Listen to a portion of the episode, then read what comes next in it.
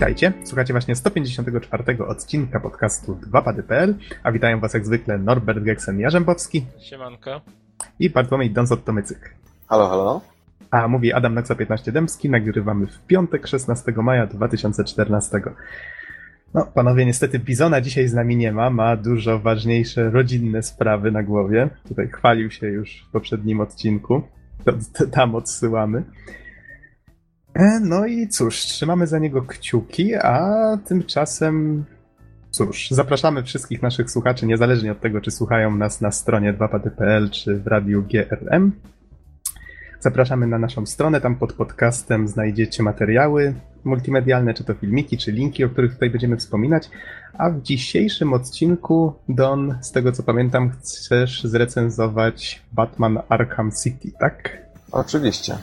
Już czas, żebym wziął się e, za drugą część gry, e, dlatego że w 135 odcinku zrecenzowałem Arkham Asylum, zaraz po tym ukończyłem Arkham City, ale oczywiście jakoś, jakoś wyszło trochę inaczej. Nie miałem czasu na to, żeby i okoliczności, żeby po prostu wziąć się za tą recenzję, e, więc teraz, teraz odkurzę ten temat i postaram się jakoś zmierzyć z Batmanem w Arkham City.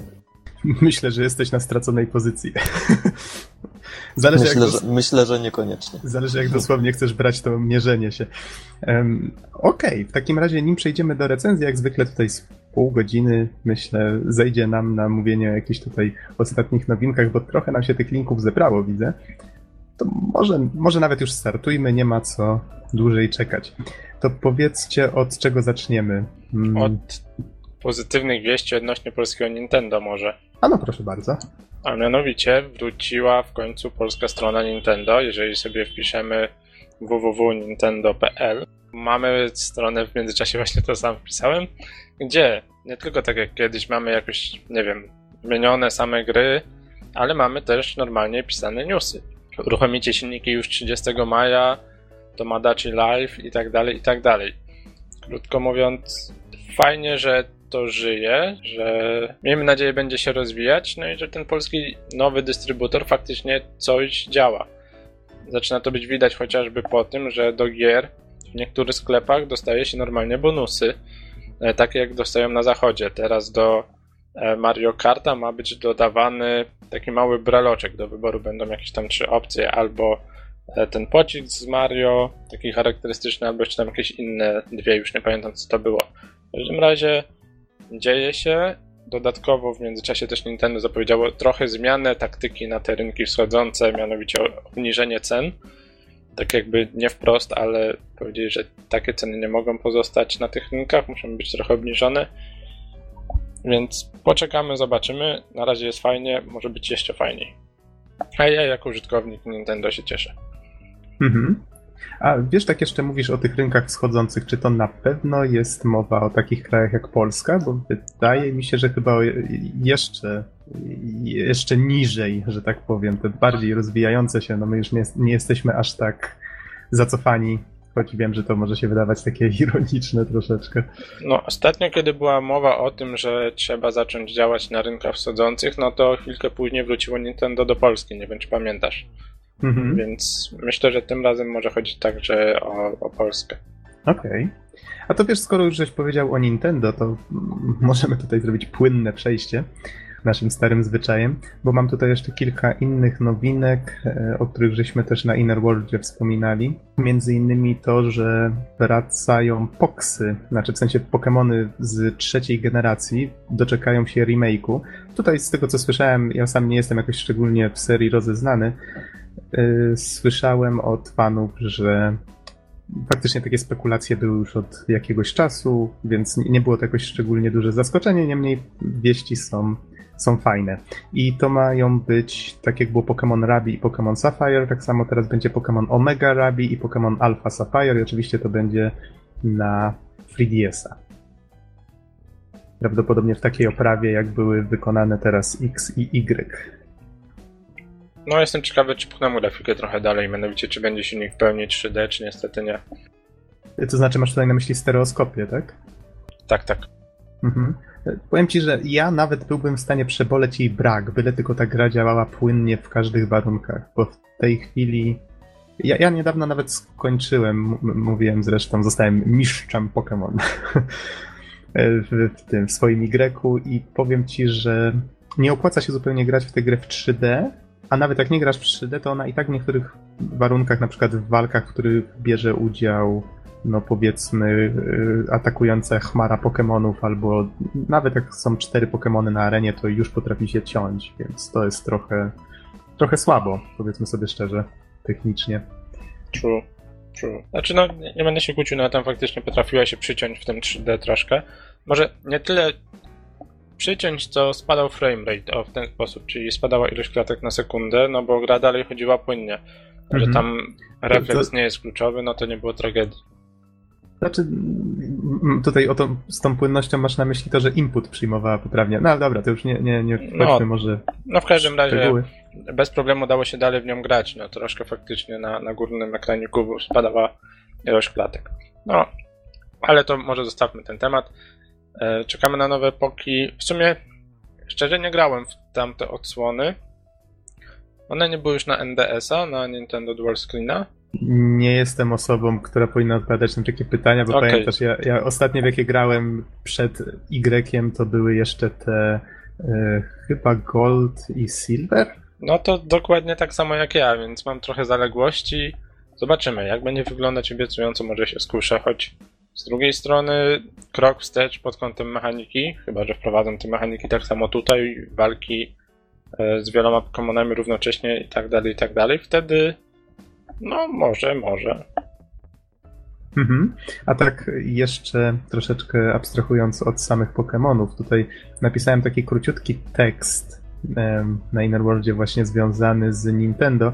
Tak właściwie napisałem go po to, żeby podsumować ostatnie wieści, bo tutaj pojawiły się plany, że Nintendo chce wypuścić figurki z, ze swoimi postaciami, troszeczkę na takiej zasadzie jak były e, w tej grze Skylanders e, Spyro's Adventure. To, to chyba nawet Norbert, ty żeś to recenzował, dobrze pamiętam? E, tak, tak, ale to odsłonę na 3DS-a. Z tą różnicą, że tutaj będziemy mieli mm, te figurki jakby będziemy mogli ich używać pomiędzy różnymi grami, o. A nie Mhm. tylko I one będą- zafiksowani. No, no. I one mają jakieś dane przechowywać w sobie, tak? I to ma działać zbliżeniowo, czyli że jak na przykład do e, padletu m, zbliżymy tę figurkę, to ona wtedy jakieś dane będzie mogła przesłać, tak? Albo odebrać, jeżeli dobrze pamiętam. Tak, tak, że w Skylandersach, może opiszę jak to działało w Skylandersach, więc e, to jaką postacią graliśmy, leżało od tego jakie figurki mieliśmy, tak? E, można było mieć trzy równocześnie postaci wczytane w, w grze. No i jeżeli chciało się zmienić, no to wtedy trzeba było na ten teleporter położyć inną. Ale jeżeli sobie położyliśmy naszą obecną, to level postaci został zapisany w figurce, więc jeżeli później gdzieś, nie wiem, szliśmy na przykład do znajomego, mogliśmy wziąć swoją figurkę, położyć ją na tym portalu i była wczytywana nasza postać wraz z levelem. Tutaj być może Mhm. będzie podobnie, plus Nintendo zapewnia, że będzie to cross game, czyli że pomiędzy różnymi grami będzie działać, co może być fajne, że wiecie, że... Znaczy, pytanie jak to wykorzystają, ale tych gier od Nintendo trochę jest, wszędzie te same postacie się przewijają tak naprawdę, więc będzie to na pewno reużywane. Mhm.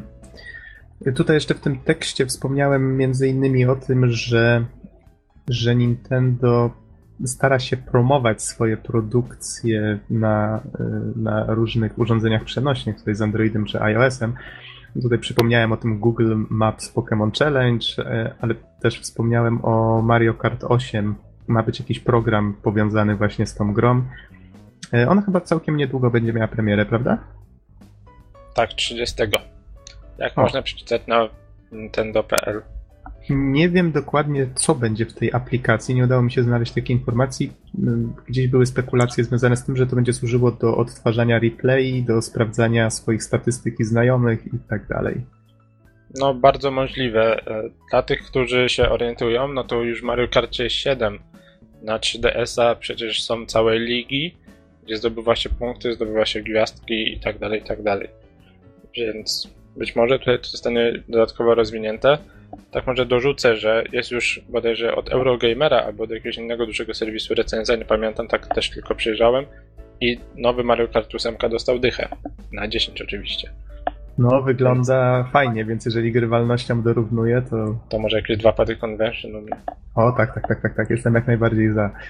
No to tutaj może już kończąc jakby ten temat, zachęcam do tego, żeby przeczytać sobie ten tekst. Co prawda mm, tutaj tak starałem się upchnąć tam troszeczkę newsów, ale z drugiej strony tak moim też dodatkowym celem było tutaj zastanowić się, jak można by było Nintendo, no tak w cudzysłowie oczywiście, naprawić.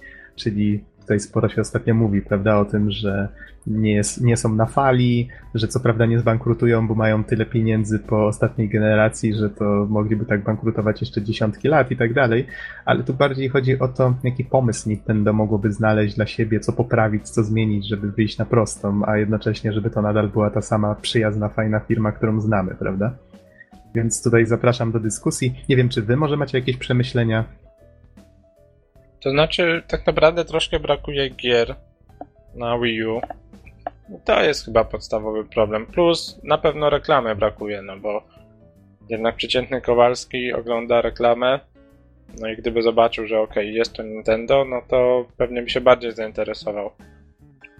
No mhm. a w Polsce, z tego co widzę, jest duży, duży opór, jednak ludzie wolą te sprawdzone marki tak, ale no, jakby nie patrzeć... Mają dużo masz... do nadrobienia, o, w ten mhm. sposób to ujmę. Ale jakby na to nie patrzeć, masz rację z tą reklamą, bo zwróć uwagę, że te marki, w sensie Xbox i e, PlayStation, one się reklamują. Z kolei Nintendo, no kiedyś gdzieś tam coś, ale no właśnie, prawie go nie ma.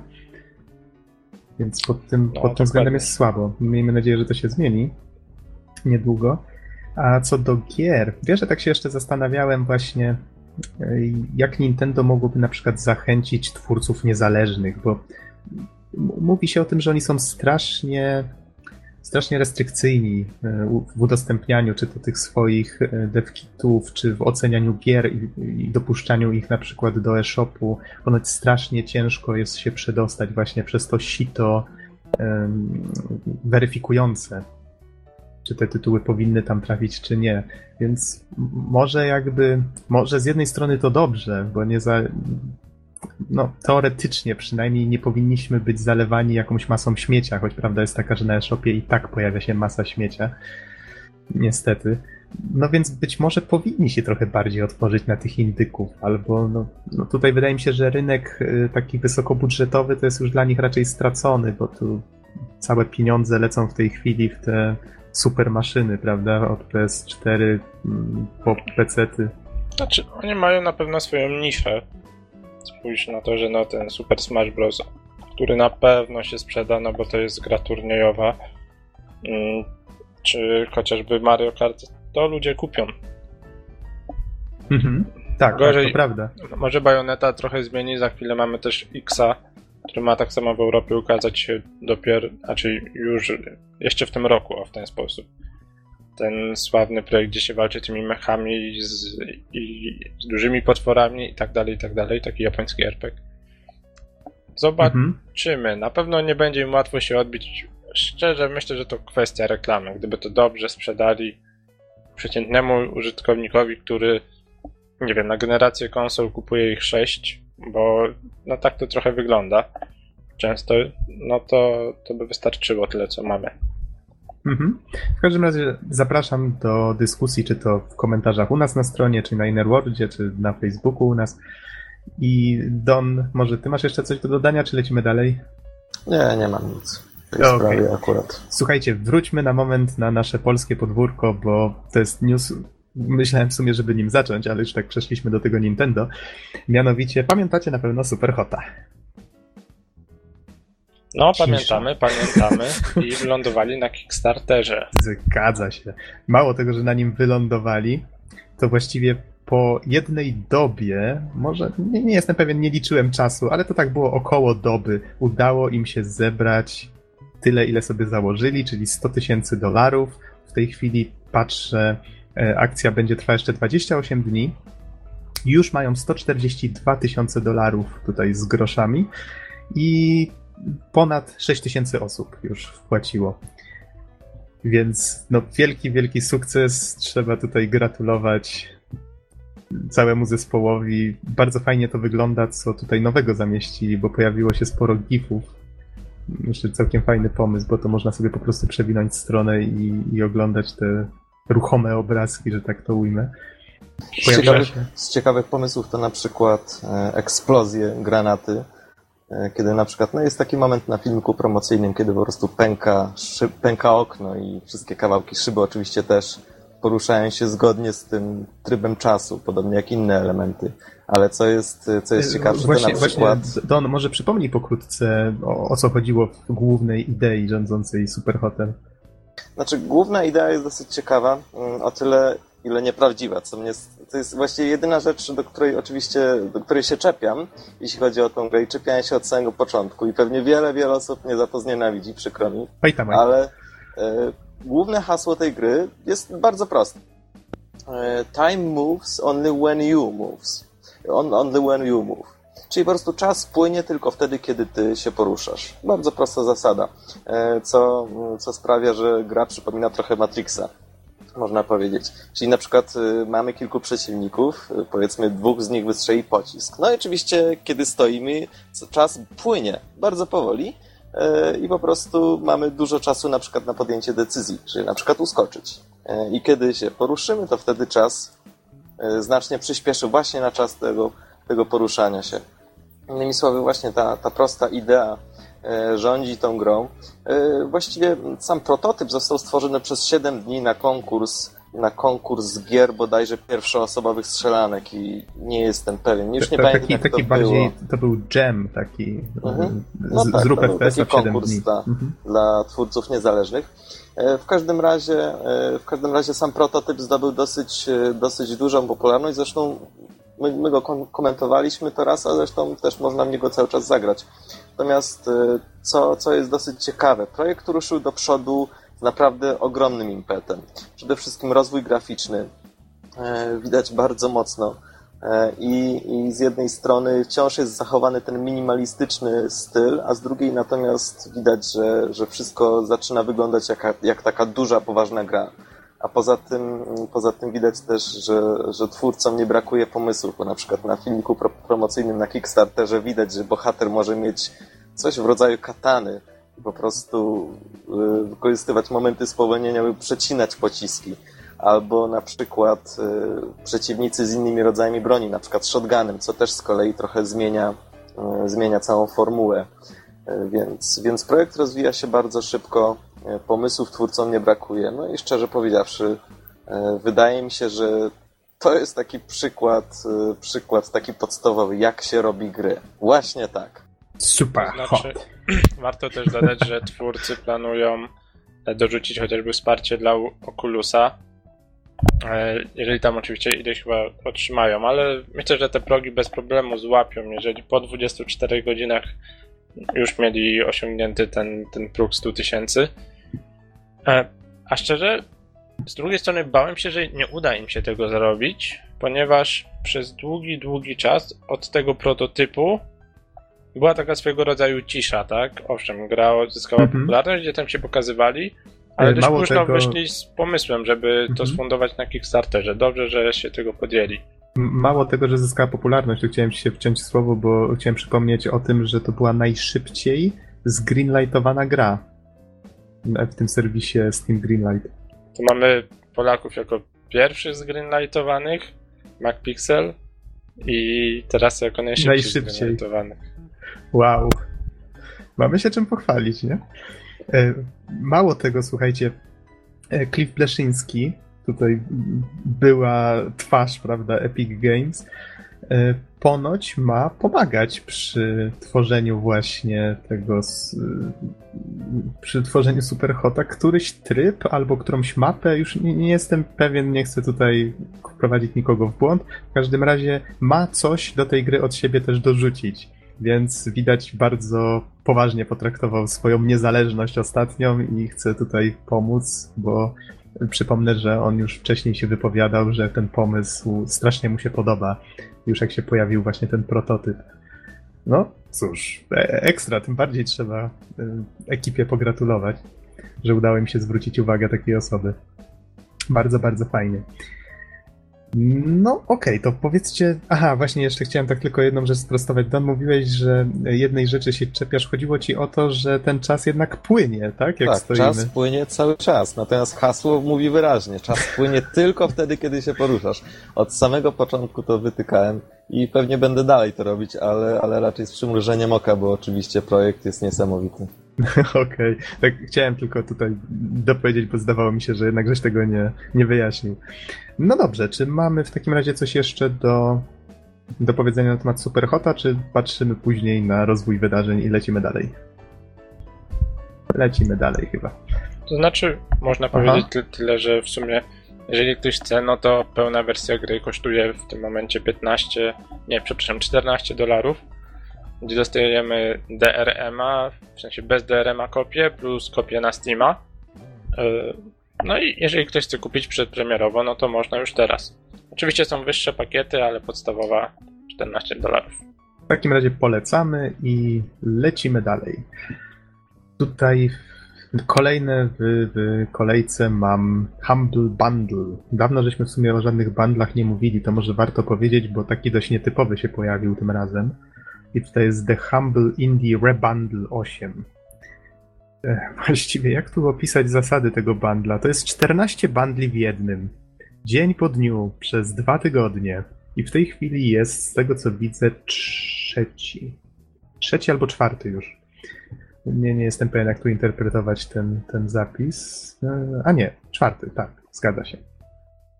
I tutaj widzę, że jest Direster, Capsize, mógłbym wymieniać, tylko prawda jest taka, że jak opublikujemy ten podcast, to już będzie powiedzmy jutrzejszy albo pojutrzejszy, jak się uda, e, ten bundle, więc musicie po prostu śledzić. Zapraszamy na stronę Humble Bundle. No cóż, portfele cierpią, tak? Szczerze nie bardzo, no bo wszystko już było. Więc No jak ja ktoś na przykład śledzi- mało co kupuję. Jak ktoś śledzi, to tak, ja tutaj też widzę sporo gier, które mam, ale na przykład Hotline Miami chyba jeszcze nie mam. To jest właśnie ten problem, wiecie, po tych wszystkich bundlach to ja sam nie wiem, co ja mam. Po prostu... No właśnie, no troszkę te bundle, zrobiło się ich tyle, że nawet ciężko to śledzić na chwilę obecną, co się ma. Ale ja mam na pewno większość i póki co ża- z żadnego z tych bundli nie skorzystałem, bo wszystko już było. No przepraszam, ty masz 800 gier na Steamie. Już ponad. Oj tam, oj tam. O rany, rany. Dobra, lecimy dalej. Co my tutaj mamy? Yy, Darksiders. O, Darksiders nam się strasznie podobało swojego czasu. To Jak żeśmy recenzowali, to Bizon recenzował, ja recenzowałem, nie wiem, ty Norbert też się chyba żeś wypowiadał. Tak, tak. Jedynkę też przeszedłem. Sporo było Darksidersów u nas swojego czasu. I przypomnę, że studio, e, studio w pewnym momencie zniknęło razem z upadkiem THQ. W tej chwili Joe Madureira, który, który przypomnę, był odpowiedzialny za design, graficzny wygląd wszystkiego w tym świecie, ten taki komiksowy, bo to z tego co się orientuję, on jest twórcą właśnie komiksowym. Y, On się wypowiedział, że może tutaj zacytuję nawet z cdaction.pl. W odpowiedzi na pytanie jednego z fanów o los serii stwierdził na Facebooku, że nie jest ona martwa, jak pisze. Darksiders DS nie jest martwa. Wydaje się, że nowy właściciel, Nordic, bardzo chce kontynuować serię. Jako, że jestem w to zaangażowany, nie mogę teraz zdradzić nic więcej. Niewykluczone, że wkrótce będziemy mieć dla Was ekscytujące wieści o cyklu. Koniec cytatu. I tutaj dużo wykrzykników jeszcze dodał, więc wydaje mi się, że to było bardzo poważne oświadczenie. Ale jeżeli coś takiego pisze, to prawdopodobnie Nordic Games, które wykupiło prawa, mm, stara się zebrać przynajmniej cząstkę tej ekipy starej, tutaj właśnie z nim, tak się domyślam, włącznie, no i starają się to reaktywować, no bo przecież po co by inwestowali w tę markę, prawda? No marka jest chyba dość mocna, no bo nie ma drugiej takiej gry oczywiście poza Zeldą od długiego, długiego czasu, gdzie można, gdzie jest dokładnie taki styl rozgrywki. Okej, co my tutaj mamy jeszcze na liście? W sumie sporo się dzisiaj ciekawych rzeczy uzbierało. Myślę, że im bliżej będzie E3, które już jest w sumie za niecały miesiąc, bo chyba 10 czerwca. O, a propos, tutaj był nawet gdzieś jakiś news o E3, już patrzę, ja go znajdę. Już go mam. Konferencja na E3, daty i godziny startu na eurogamer.pl. Czyli wiemy już, kiedy się odbędą konferencje. I znowu bardzo fajnie, bo wszystko się, prawie wszystko się odbywa w takim dużym ścisku. Mamy 9 czerwca mamy Microsoft i Electronic Arts, odpowiednio 18.30 i 21. To z tego co widzę są już godziny przetłumaczone na nasze, więc bardzo fajnie. 10 czerwca natomiast e, o północy będzie. Czyli, czyli to właściwie to jest jeden dzień i ta sama noc. Tutaj nie ma co ukryć, tak noc z 9 na 10. 18.30 Microsoft, 21 Electronic Arts, północ Ubisoft, trzecia w nocy Sony. Czyli w sumie tutaj się dużo nie zmieniło, to chyba zazwyczaj tak wyglądało.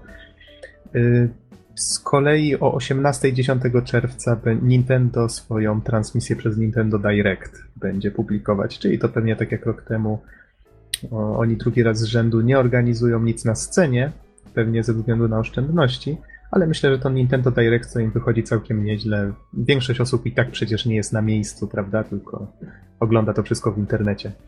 No dokładnie, a można też często lepiej przygotować prezentację w ten sposób. E, tak, to nie wiem czemu, ale sobie przypomniałem prezentację Konami kilka lat temu. To było ciekawe. Ale cóż, może nie będę się w to zagłębiał. Myślę, że niektórzy pamiętają. O, więc, więc coraz bliżej już 3. Z kolei tak trochę mnie zastanawia, dlaczego niektórzy zamiast poczekać właśnie na te targi, zrobić nam niespodziankę, to zdradzają na przykład, o tutaj Ubisoft poinformował, że Far Cry 4 będzie miał premierę 20 listopada, już nawet okładkę zdradzili.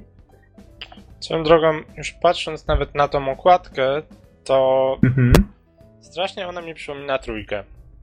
Chodzi mi o to, że, że znowu mam taką ideę jakiegoś szaleńca, który się znęca na, nad ludźmi. I to już widać na okładce, więc troszkę tak. Mm, mm. Takie powielanie schematów, tak? To masz na myśli? No, dokładnie. No, ale to się widocznie sprawdza. No znowu na pewno będzie otwarty świat, jakieś odbijanie posterunków i tym podobne rzeczy, tylko dwójce mieliśmy. No bo właściwie ta seria zaczęła się od dwójki, prawda? Bo Ubisoft przejął prawa do Far Cry'a i jakby zresetował to wszystko. I w dwójce mieliśmy e, Afrykę, jeżeli dobrze pamiętam. To była jedyna część w sumie, w którą grałem z tych, z tych nowych. Trójka była na bezludnej wyspie, to był taki powrót jakby do korzeni rozpoczętych przez Krajtek. I teraz czwórka ma być w Himalajach, z tego co widzę na Eurogamerze. Czyli znowu troszeczkę zmiana klimatu. No, grywalnością na pewno będzie.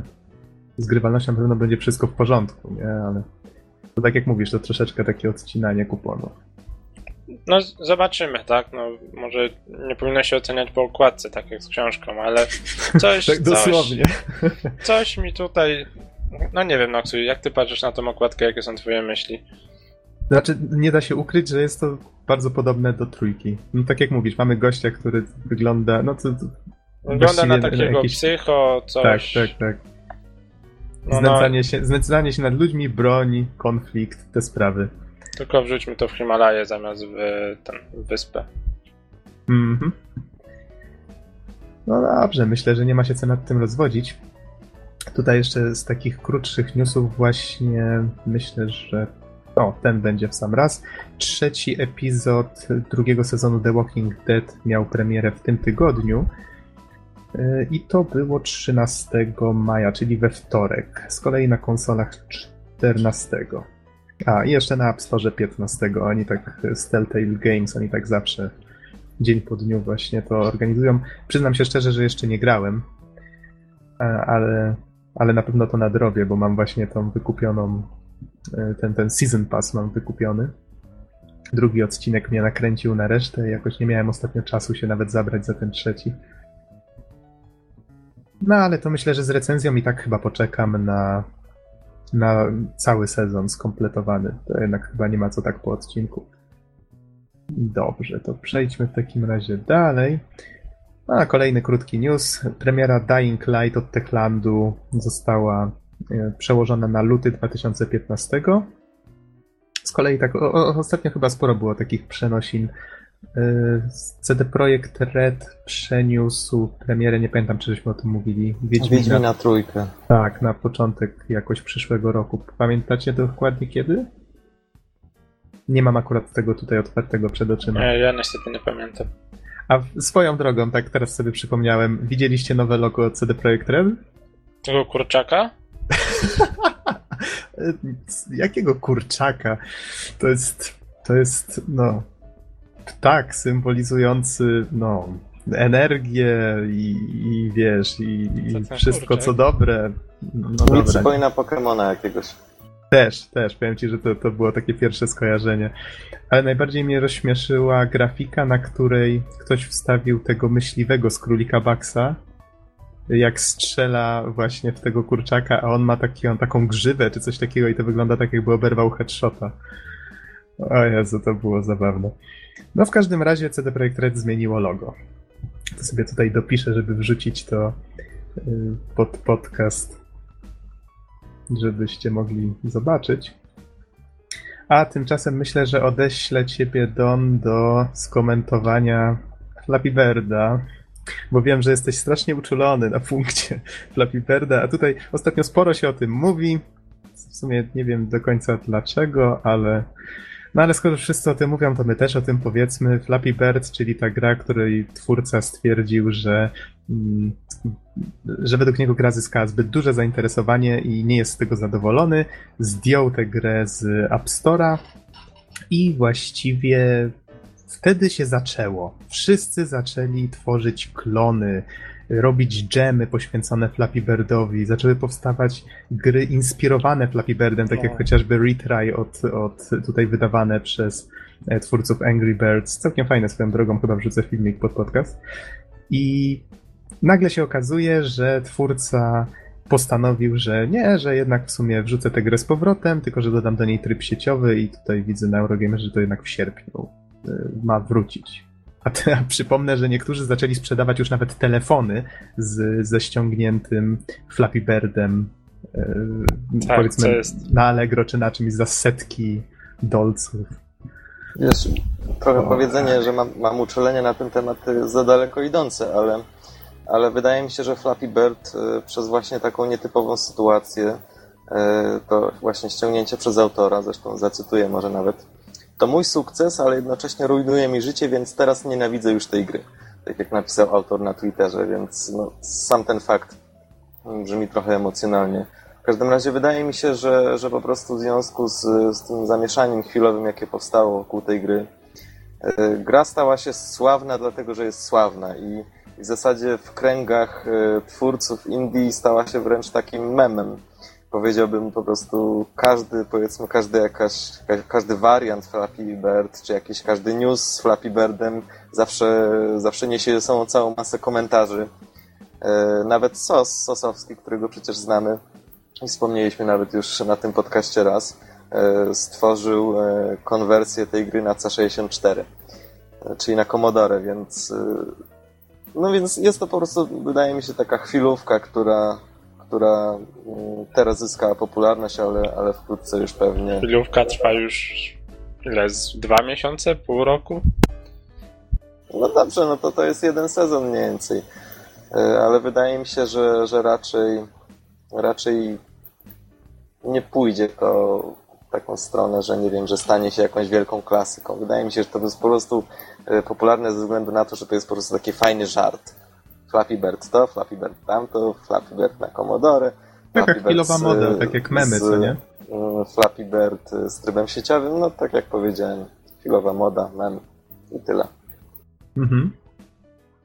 No nie no, no nie się- zgadzam się z wami, że gra nie jest w żaden sposób ambitna i, i nic nie zmienia, ale myślę, że wygrywała po prostu tym prostym konceptem, gdzie lecimy tym ptaszkiem i w sumie nie ma to końca, kto zdobędzie więcej punktów i można grać sobie poprzez klikanie. Znaczy, nie to, żebym grę bronił, że jest, nie wiem, jakąś super genialną produkcją. Ciężko Mhm. mi. Więcej mi się zamieszania wywołało to, co powiedzieliście, czyli wycofanie jej z rynku i te, te całe emocje, takie, takie bardzo tabloidowe, można powiedzieć, podejście przyniosło jej sukces. Właśnie tutaj wiem, że te spekulacje też może takie troszeczkę tabloidowe będą, ale tak się zastanawiam czasami, czy on nie zrobił tego specjalnie. On, wiecie, no, sprawdził na przykład. Wiedział, że on chyba 50 tysięcy dolarów zarabiał dziennie na reklamach?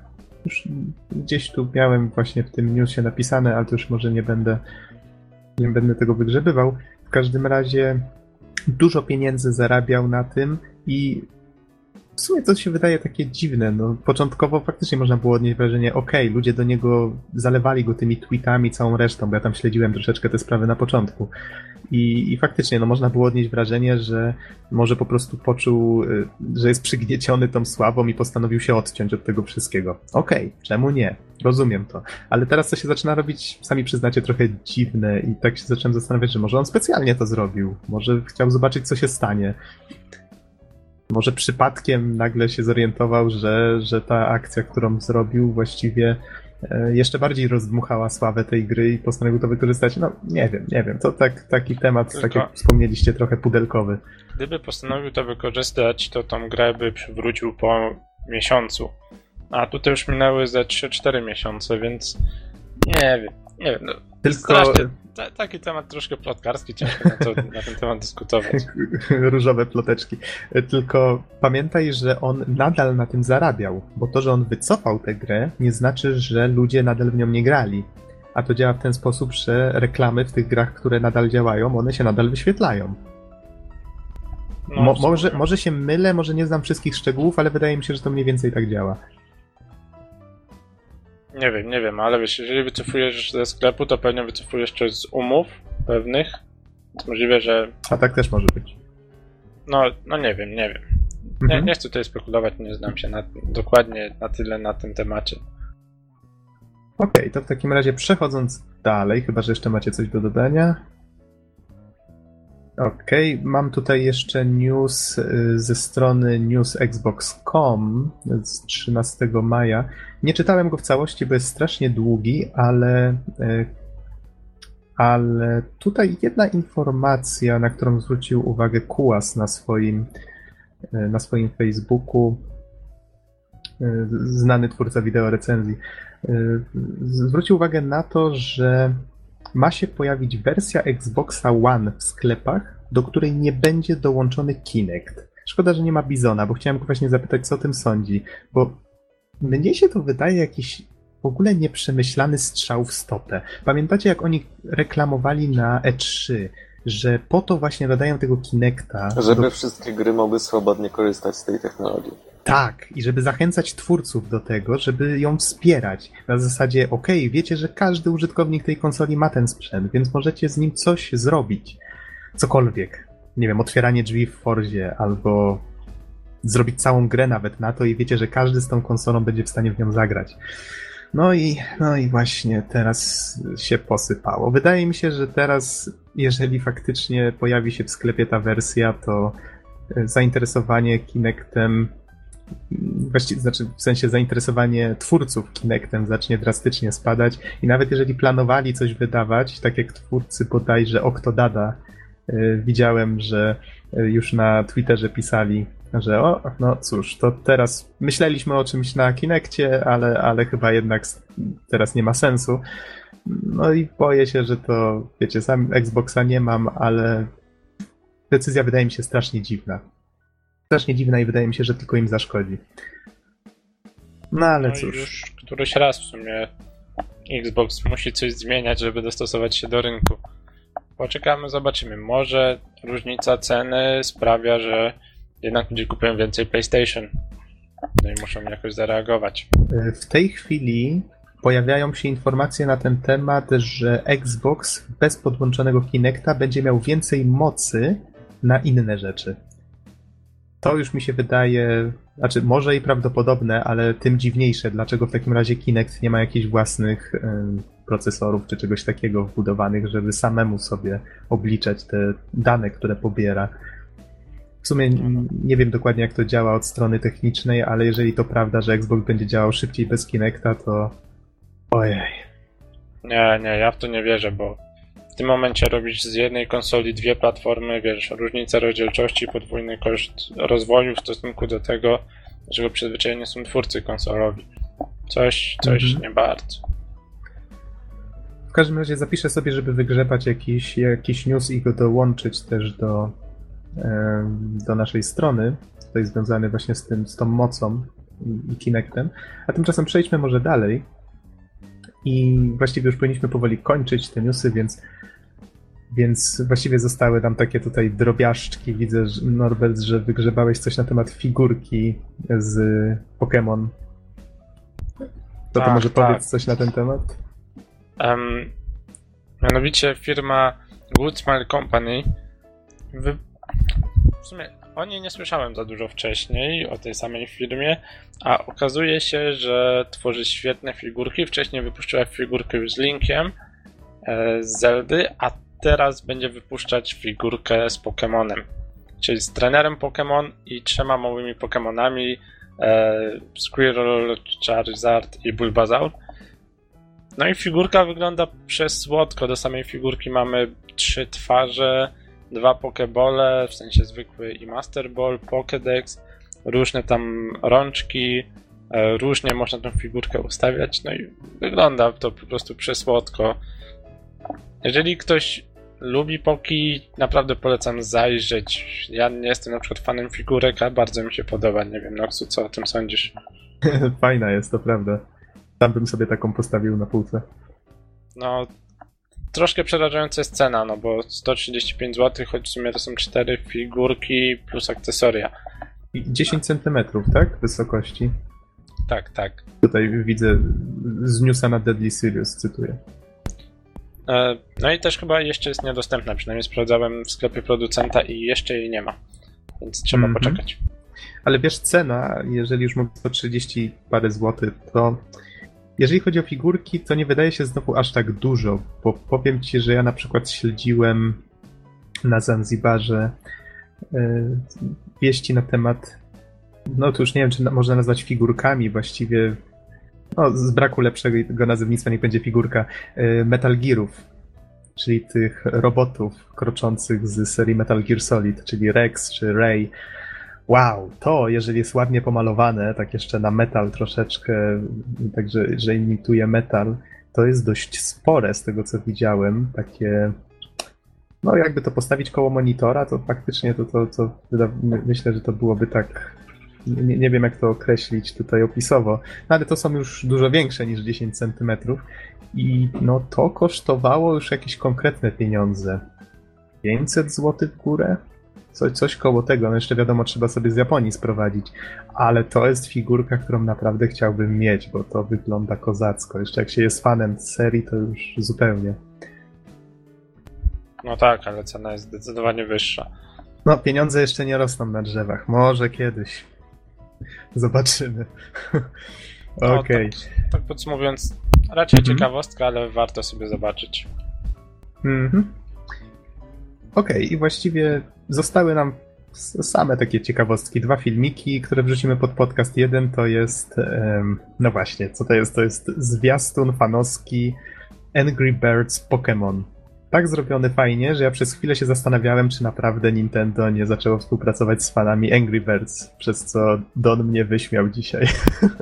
No, trochę, trochę za bardzo ostatnio w moim kierunku niezbyt prawdziwe komentarze uskuteczniasz. A no, E, po prostu e, wydaje mi się, że znaczy, kiedy ob- obejrzałem ten filmik, to, to po prostu nie, nie wyglądało to tak, jakby, jakby faktycznie powstawała ta gra. Oczywiście została fajnie zrobiona. Filmik został bardzo fajnie zrobiony. Uwzględnia nawet y, mechanikę tam poszczególnych elementów gry, ale, ale wydaje mi się, że jest to całkiem dobrze widoczne, że ostatecznie jest to robota fanowska. Aczkolwiek dalej, dalej robi wrażenie. Mhm. No to to w każdym razie wrzucimy pod podcast. Wrzucimy też filmik z um, Need for Speeda, konkretniej taki bardziej hołd serii z okazji dwudziestolecia, taki oficjalny, więc ciężko tu mówić o jakimś hołdzie takim fanowskim. Myślę, że to takie filmiki to też by się dało znaleźć i na pewno byłyby dużo lepsze. Niemniej seria skończyła 20 lat, czy dopiero skończy. Zaraz zobaczę tutaj na newsie na cdaction.pl. Może zacytuję niedawno EA poinformowało, że nowy Need for Speed ukaże się dopiero w 2015. To o tyle zaskakujące, że w tym roku seria obchodzi swoje 20 urodziny. Nie wiadomo, czy elektronicy planują w tej okazji jakieś atrakcje, ale na razie wypuścili okolicznościowy filmik. Koniec cytatu. No i to myślę, że to w sumie tłumaczy wszystko. W każdym razie ten, ten filmik wrzucimy i jeszcze ostatnia rzecz właściwie, która nam tutaj została na liście. Widzę coś, co zwróciło Don twoją uwagę, mianowicie taki dość nietypowy dodatek do Oculus Rifta stworzony przez e, przez chyba ludzi z Niemiec. Zaraz zobaczę. To, to, to może opowiedz o nim troszeczkę, ja tu zaraz spróbuję wychwycić te informacje. Aha, przez, co? e, przy- przez drużynę w, u- w Uniwersytetu w Zurichu. Właściwie cała rzecz polega na tym, że to jest taki cały przyrząd, który służy do, symul- do symulowania lotu ptakiem. To w zasadzie to jest taka niewielka platforma e, Flapping razem z, ru- Bird? Aaa. z ruchomymi skrzydłami. Nie, nie Flappy Bird. e, Na którą po prostu trzeba się położyć e, i, i przyczepić ręce do końcówek skrzydeł za pomocą pasków e, czy jakiej, jakiejś tam wsunąć je po prostu e, i, i po prostu za, za pomocą machania nimi dosłownie e, można, mm, można dosłownie latać. Oczywiście przy założonym Oculus Riftie całość ma sens. Natomiast przed całą konstrukcją znajduje się taki wirnik, e, który dostosowuje swoją prędkość do, e, do prędkości, jaką osiągamy w locie, więc, e, więc w zasadzie całość jest takim, można powiedzieć, dosyć skomplikowanym symulatorem e, lotu. Jest to oczywiście dosyć ciekawy przypadek na wykorzystanie Oculusa w różnych celach. E, Natomiast e, mogę jeszcze dodać od siebie, że jeszcze bardziej nietypowe wykorzystanie e, tego urządzenia widziałem na YouTubie. Jest coś takiego jak symulator gilotyny. Nie wiem, czy wspominaliśmy o tym na podcaście. Też coś takiego jest i można faktycznie się poczuć i sprawdzić, jak to wygląda. Oh my god. Aczkolwiek, aczkolwiek chyba, chyba nie jest to rzecz najprzyjemniejsza, tak przynajmniej mi się wydaje, że, że oczy by potrafiły nieźle oszukać e, umysł i po prostu niektórzy mogli, mo, po prostu Stracić to mogło być, głowę. to mogło być doświadczenie nie na niektórych nerwy. Natomiast co do tego konkretnego urządzenia, e, to kurczę, przede wszystkim robi wrażenie. Pierwsze, pierwsza moja myśl to chciałbym się na tym przejechać, albo lepiej przelecieć. Natomiast, e, natomiast wydaje mi się, że na pewno nie trafi to do, do produkcji masowej, a jeśli trafi, to na pewno, mm, na pewno nie dla, dajmy na to, takich zwykłych graczy, którzy zaopatrzyliby się w Oculusa, dlatego że jest to urządzenie no, dosyć specyficzne, specjalistyczne, no i obsługuje po prostu symulator lotu ptaka. Do niczego innego w zasadzie by się nie przydawało, chyba że ktoś, e, ktoś tworzyłby po prostu gry z uwzględnieniem specyfiki e, Remake. Flappy Bird. Nie, nie remake Flappy Bird. Oj, oj, żebyś się nie zdziwił, że coś takiego powstanie. Na W każdym takiego- razie, wiesz, e, wydaje mi się, że tego typu urządzenia e, i w ogóle w połączeniu z Oculusem to jest bardzo ciekawy temat, m, jaki można Mhm. podjąć na przykład w kwestii tworzenia gier, które służyłyby reha- rehabilitacji. Już teraz coś takiego istnieje. E, No i na przykład ludzie po wylewach, którzy na przykład mają problemy z chodzeniem, mogą spróbować swoich sił w jakiejś tam prostej grze, e, w której na przykład biegną albo, albo e, balansują na jakiejś kłodzie. Tego typu projekty są wdrażane, oczywiście bez Oculusa, z tego co wiem na razie. Aczkolwiek, aczkolwiek po pierwsze jest to atrakcyjna forma, po drugie, po drugie zdaje się, że wyniki pacjentów są znacznie lepsze, dlatego że to co robią jest jakby ubrane w zabawę. Więc, więc siłą rzeczy jakby jest też ciekawsze i, i po prostu bardziej zachęcające. Mm, Wydaje mi się, że tego typu symulator właśnie, do, może nawet dokładnie ten symulator lotu ptaka, też w jakiś sposób mógłby służyć podobnym celom. Nie wiem, co ty o tym sądzisz, albo Geksen. No, wiesz, nie, nie, nie zastanawiałem się nad tym, ale faktycznie brzmi to ciekawie. To na pewno się sprawdza, no bo e, tak samo było z Wii Fitem i bodajże Wii Sports, w które bardzo lubili grać emeryci. No i wiecie, angażuje to coś, co normalnie jest mało przyjemne, nagle staje się zabawą. Więc myślę, że to dobry pomysł, żeby właśnie w tym kierunku to wszystko poszło. Właściwie, mm, skoro już na ten temat rozmawiałem, mogę wspomnieć tylko krótko. Natrafiłem, e, natrafiłem na YouTubie też właśnie na taki filmik z, z bardzo oryginalnym wykorzystaniem Oculus Rifta. Otóż to była taka króciutka historia, e, że pewna starsza pani była ciężko chora i w zasadzie na tyle e, słaba, że nie mogła już chodzić, nawet nie mogła wyjść z domu. I po prostu jej bodajże wnuk napisał chyba do twórców Oculusa, nie chcę kłamać, ale jakoś to tak wyglądało, I, I po prostu założono jej Oculusa i, i dano możliwość przespacerowania się w sposób wirtualny po jakimś tam otoczeniu. I, I to też jakby jest dosyć ciekawym mocnym przykładem na to, e, do czego Oculus mógłby służyć. Mhm. No dobrze, panowie, to wydaje mi się, że chyba możemy kończyć w takim razie newsy, chyba że jeszcze macie coś do dodania. Ja tylko tutaj nadmienię, żeby się ktoś nie zasugerował tym, co wcześniej powiedziałem, Zurych jest w Szwajcarii, a ja wcześniej o Niemcach mówiłem, więc żeby ktoś sobie nie pomyślał. I wydaje mi się, że możemy w takim bądź razie już przejść do tematu głównego, czyli do Batman Arkham City. No ja tutaj już pamiętam, kiedyś go już recenzowałem, więc ciekaw jestem, Don, co ty o nim sądzisz. Czy mam jakieś dane techniczne tutaj przedstawić? Dane techniczne tutaj mam. Okej. E, Gra wyszła w 2011 roku zarówno na PlayStation 3 i Xboxa 360, e, jak i na Windowsa oraz na Wii U. O, ciekawe, w 2012. Więc jednak mimo wszystko, może Gaxen byś sobie sprawił, naprawdę świetna gra. Właśnie mam zamówienie, bo jest na wyprzedaży na Ultimie za 50 zł, 40 zł. Czy to się nazywało Armored Edition? Dobrze Tak, pamiętam? tak. Więc niedługo będę miał. Mhm, to jakieś tam dodatkowe feature'y były związane z padletem, ale to może nie będę się wcinał w słowo. A, no właśnie ciekawi mnie, jak ten dodatkowy sprzęt mogliby wykorzystać. W każdym razie, e, Arkham City jest to bezpośrednia kontynuacja e, Arkham Asylum i powiedziałbym nawet, że jest to taka idealna kontynuacja. E, dlaczego? Ano dlatego, że twórcy zrobili w zasadzie najlepszą rzecz, jaką mogliby zrobić w ogóle. To znaczy, wzięli e, na warsztat Arkham Asylum, zastanowili się poważnie nad tym, e, przynajmniej takie są moje domniemania. E, Wygląda to tak, jakby się zastanowili nad tym, co jest dobre, mm, co jest w grze złe i po prostu w Arkham City rozwinęli to, co jest dobre i mało do tego, do tej rozwiniętej wersji dodali także całą masę różnych cech, które mogą po prostu pasować do całości.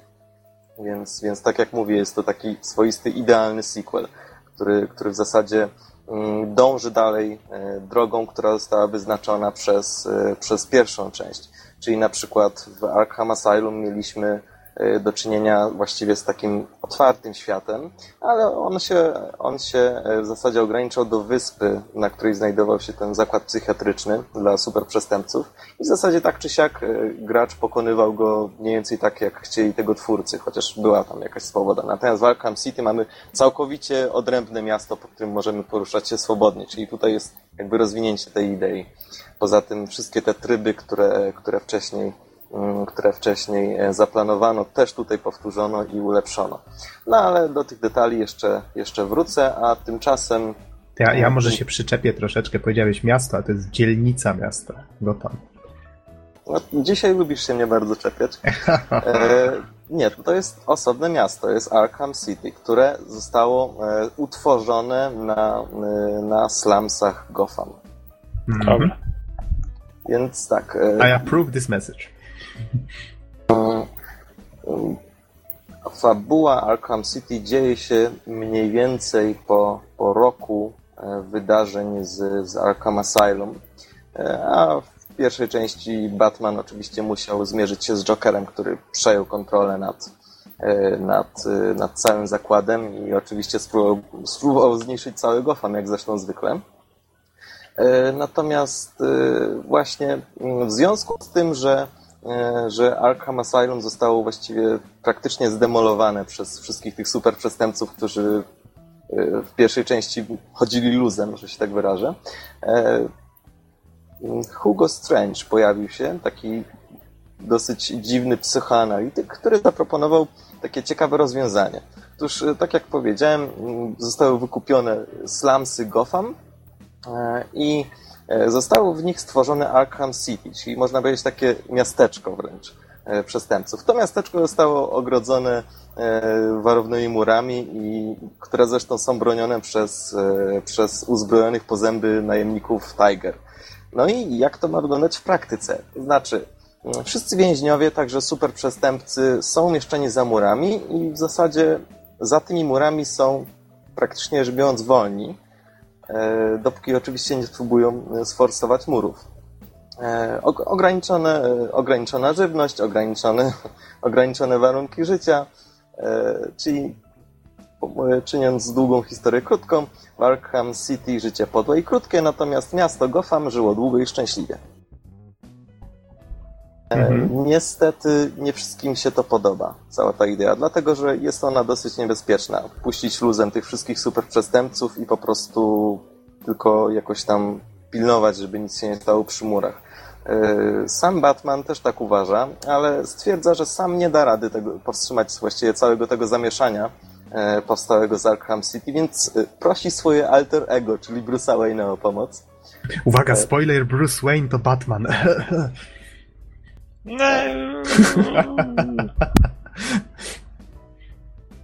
E, więc Bruce Wayne e, jako, jako sam, e, jako osoba fizyczna włącza się do akcji, która ma, ma w zasadzie mm, promować likwidację tej instytucji, gdyż po prostu zagraża ona całemu miastu. No i oczywiście w związku z tym bardzo szybko staje się więźniem politycznym y, tegoż. Y, oczywiście mm, zostaje wystrzelony mu jego kostium i dalej jako Batman działa, działa w Arkham City. Przy czym już na samym początku zostaje, zostaje myślę, umieszczony w dosyć nieciekawym położeniu, dlatego że Hugo Strange wie, że Bruce Wayne to Batman, i, i dlatego to stwarza dodatkową, e, dodatkowe napięcie już na samym początku. Więc mówiąc a, krótko... a, tak, tak zapytam się ciebie, skoro już skończyłeś opisywać prolog, y, jak ci się podobał od strony narracyjnej tego przedstawienia akcji i tego, jak gracz bierze w niej udział, bo musisz przyznać, był bardzo klimatyczny. No tak, oczywiście. E, sam pamiętam, jak, jak, jak byłem świeży dopiero co po zakończeniu prologu, E, no szczęka opadła mi do podłogi, po prostu widać, że, że twórcy postarali się, żeby to wszystko wyglądało efekciarsko i żeby jakby wycisnąć, e, wycisnąć z tych pierwszych 15 minut tyle tylko, ile się da, żeby zachęcić gracza i zaciekawić go tym, co się wydarzy. No i faktycznie tak się stało. Natomiast, natomiast po tym, po tym intensywnym wstępie e, gra powraca, można powiedzieć, do swojego jakby normalnego tempa. To znaczy jest to w zasadzie, mm, jest to w zasadzie otwarty świat E, w którym mamy do czynienia właściwie z całym miastem. Ono jest dosyć obszerne na daną sprawę. E, I, I wykonujemy kolejne zadania mm, związane właśnie z nim i z główną linią fabularną. E, I co mogę jeszcze powiedzieć o fabule? To jest dosyć ciekawe, dlatego że, mm, dlatego, że Joker po pierwszej części on, on był dosyć, no, przeszedł intensywne przemiany, nie chcąc spoilerować tym, którzy pierwszą część e, nie grali, ale w związku z tym zachorował e, na bardzo ciężką chorobę i e, no i oczywiście wrobił w to Batmana, który, który przez to musi znaleźć antidotum nie tylko ze względu na Jokera, ale także i dla siebie, co jest dosyć ciekawym wątkiem samym w sobie. Co mogę powiedzieć od razu jeszcze, y, skoro już jesteśmy w takich matach dosyć ogólnych y, i fabularnych. Ja w przypadku pierwszej części bardzo, ale to bardzo narzekałem na to, że Batman po prostu zachowuje się w sposób nielogiczny. Znaczy, nie wiem czy pamiętacie, ale na przykład pozwala super przestępcom dokańczać przemowy, albo na przykład czeka, aż oni uciekną w miejsce, z którego już nie będzie mógł ich dorwać, albo po prostu stoi i nic nie robi. Tutaj widać, że twórcy, e, twórcy zwrócili na to uwagę tak, że E, i tym razem Batman mm, od samego początku e, działa. No i oczywiście to nie jest tak, że, że na samym początku gry rozwiąże problem, czy pokona jakiegoś przeciwnika, który wcale taki łatwy nie jest, ale widać, że, mm, że, że po prostu nie zachowuje się jak kretyn, tylko po prostu, e, tylko po prostu stara się to zwalczać od samego początku. Mhm.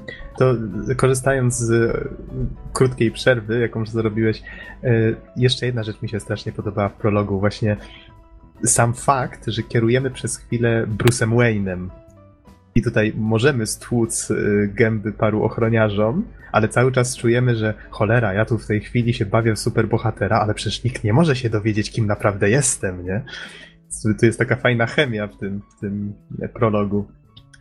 Bardzo znaczy, mi się podobał. Wiesz, e, znaczy fajnie, że czułeś tą chemię, aczkolwiek e, sama w sobie w grze nie została podkreślona w żaden sposób. Mhm. To znaczy, na przykład e, pamiętam w Batman The Animated Series e, Bruce Wayne bardzo, ale to bardzo uważał na to, żeby nikomu nie zdradzić e, swoich umiejętności, na przykład związanych z walką. Natomiast tutaj, tutaj nie zostało to w żaden sposób podkreślone. No i dobra, no po prostu stłukł, bo miał szczęście na przykład, albo miał jakieś umiejętności, tak, tak, które, które jakoś mu, mu tam pomogły.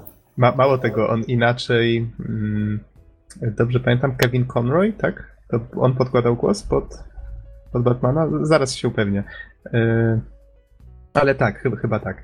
Yy, to pamiętam, że on sam zaproponował właśnie twórcom The Animated Series, że będzie inaczej modulował głos, jak Batmanem pod Batmana podkłada i pod Bruce'a Wayne'a. I to faktycznie tak działało, że to wydawały się takie troszeczkę dwie różne postacie. Tak jak tak, mówisz, on, że ten Bruce Wayne był taki mhm. troszeczkę, troszeczkę niezdarny, taki bardziej playboyowaty, prawda?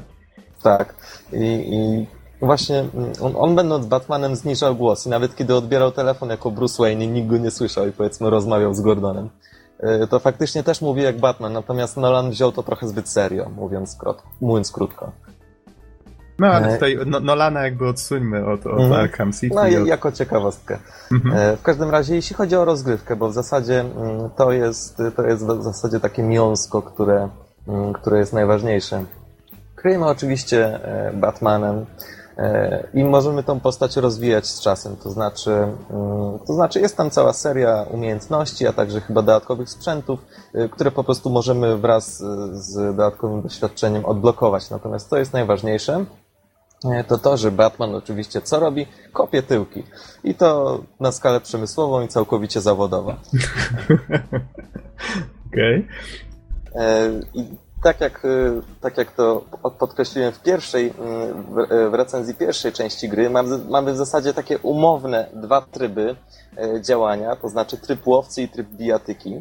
Oczywiście one są bardzo płynne i ja je sztucznie, sztucznie je mm, wyodrębniam, dlatego że na dobrą sprawę i w jednym, i w drugim można stosować, można stosować odmienne taktyki, to znaczy w trybie dajmy na to umownym łowcy, można prać się, chociaż jest to bardzo zły pomysł, albo w trybie bijatyki można gdzieś odskoczyć i próbować, próbować działać z ukrycia. W każdym razie, jeśli chodzi właśnie o ten tryb łowcy, e, to w zasadzie mm, od czasu do czasu Batman będzie mieć do czynienia z e, taką, powiedzmy, mini areną, składającą się na przykład z jakiegoś dużego placu, e, albo, albo jakiegoś wnętrza dużego budynku, w którym znajduje się cała masa przeciwników, powiedzmy tam kilkunastu. No i w zasadzie Batman jest najlepszy, mógłby skopać im tyłki wszystkim, nawet naraz.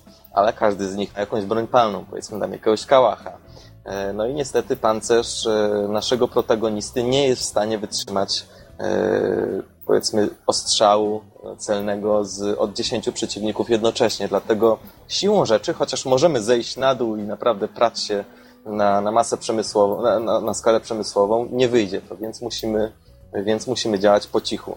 Bardzo charakterystycznym elementem, który już w pierwszej części został, właściwie był taką podstawą e, w tym trybie, e, były jakieś takie gzymsy, e, które właśnie we wszystkich wysokich pomieszczeniach występowały. Na tych gzymsach Batman mógł sobie przycupnąć i zresztą między nimi się poruszać i to były takie miejsca bezpieczne, w których, w których przeważnie nikt go nie widział. I właśnie stamtąd można było prowadzić ataki, jak na przykład zeskoczyć i, i jak to powiedzieć dobrze, dać kopniaka, e, powiedzmy, z, z wysokości 20 metrów przy, przy użyciu swojej peleryny.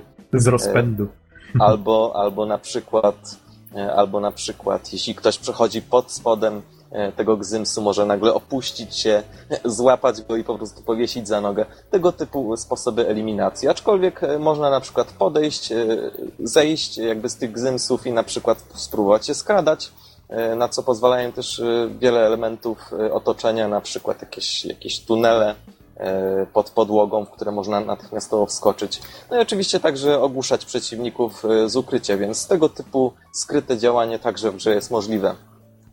Drugi rodzaj działania, no to po prostu bijatyka, która, która też w grze występuje i powiedziałbym, że, że w zasadzie jest też równoprawną równoprawnym jej elementem i bardzo zresztą widowiskowym. Otóż Batman, e, tak jak powiedziałem, e, potrafi walczyć to bardzo dobrze. Zresztą według opisu jest mistrzem wszystkich możliwych sztuk i systemów walki, e, co czyni go tym bardziej epickim. Więc nic dziwnego, że w czasie swojej podróży zetknie się na przykład z dwudziestoma przeciwnikami jednocześnie, albo nawet i większą ich ilością. Masz na myśli powitanie w kwaterze pingwina, bo pamiętam do dzisiaj tę walkę. Na przykład. Genialne razie, to było. Mm, w każdym razie, ja akurat zapamiętałem mm, bardzo fajny moment, kiedy grałem mm, w DLC Robinem Aha. i tak biegnę przez korytarz, bo czasu jest niewiele. Biegam, biegam, nagle wbiegłem do jakiejś sali i tak patrzę i tak około 30 zbirów, którzy po prostu stoją i się tak patrzą. Tak chwila konsternacji. Okej. Okay. i dopiero trzeba było przejść do, do działania. W każdym razie, e, jak to wynikło z mojej pierwszej recenzji, jak i pewnie wynikło z Twoich dwóch recenzji, system walki mhm. jest naprawdę niesamowity. Otóż w zasadzie całość skonstruowana jest tak, że Batman jest w stanie e, jest w stanie walczyć nawet z tak dużą ilością przeciwników, gdyż w zasadzie całość polega na tym, że my jedynie jakby kontrolujemy ten tłum, Y, poprzez y, działania swoje. To znaczy na przykład zadamy cios temu opryszkowi, który się do nas zbliżył, potem odwrócimy się i nagle uderzymy drugiego, potem przeskoczymy nad głową trzeciego i walniemy go od tyłu. Cała masa możliwości. W zasadzie całość polega na tym, żeby próbować kontynuować te ciosy w sposób płynny i wtedy za każdym razem Batman uderza coraz szybciej i coraz silniej. Oczywiście im ten większy jest ten tak zwany flow, E, tym różne bonusy się odblokowują, na przykład e, odpalenie ba batarangów, które na przykład e, eliminują przeciwnika natychmiastowo i tak dalej, i tak dalej.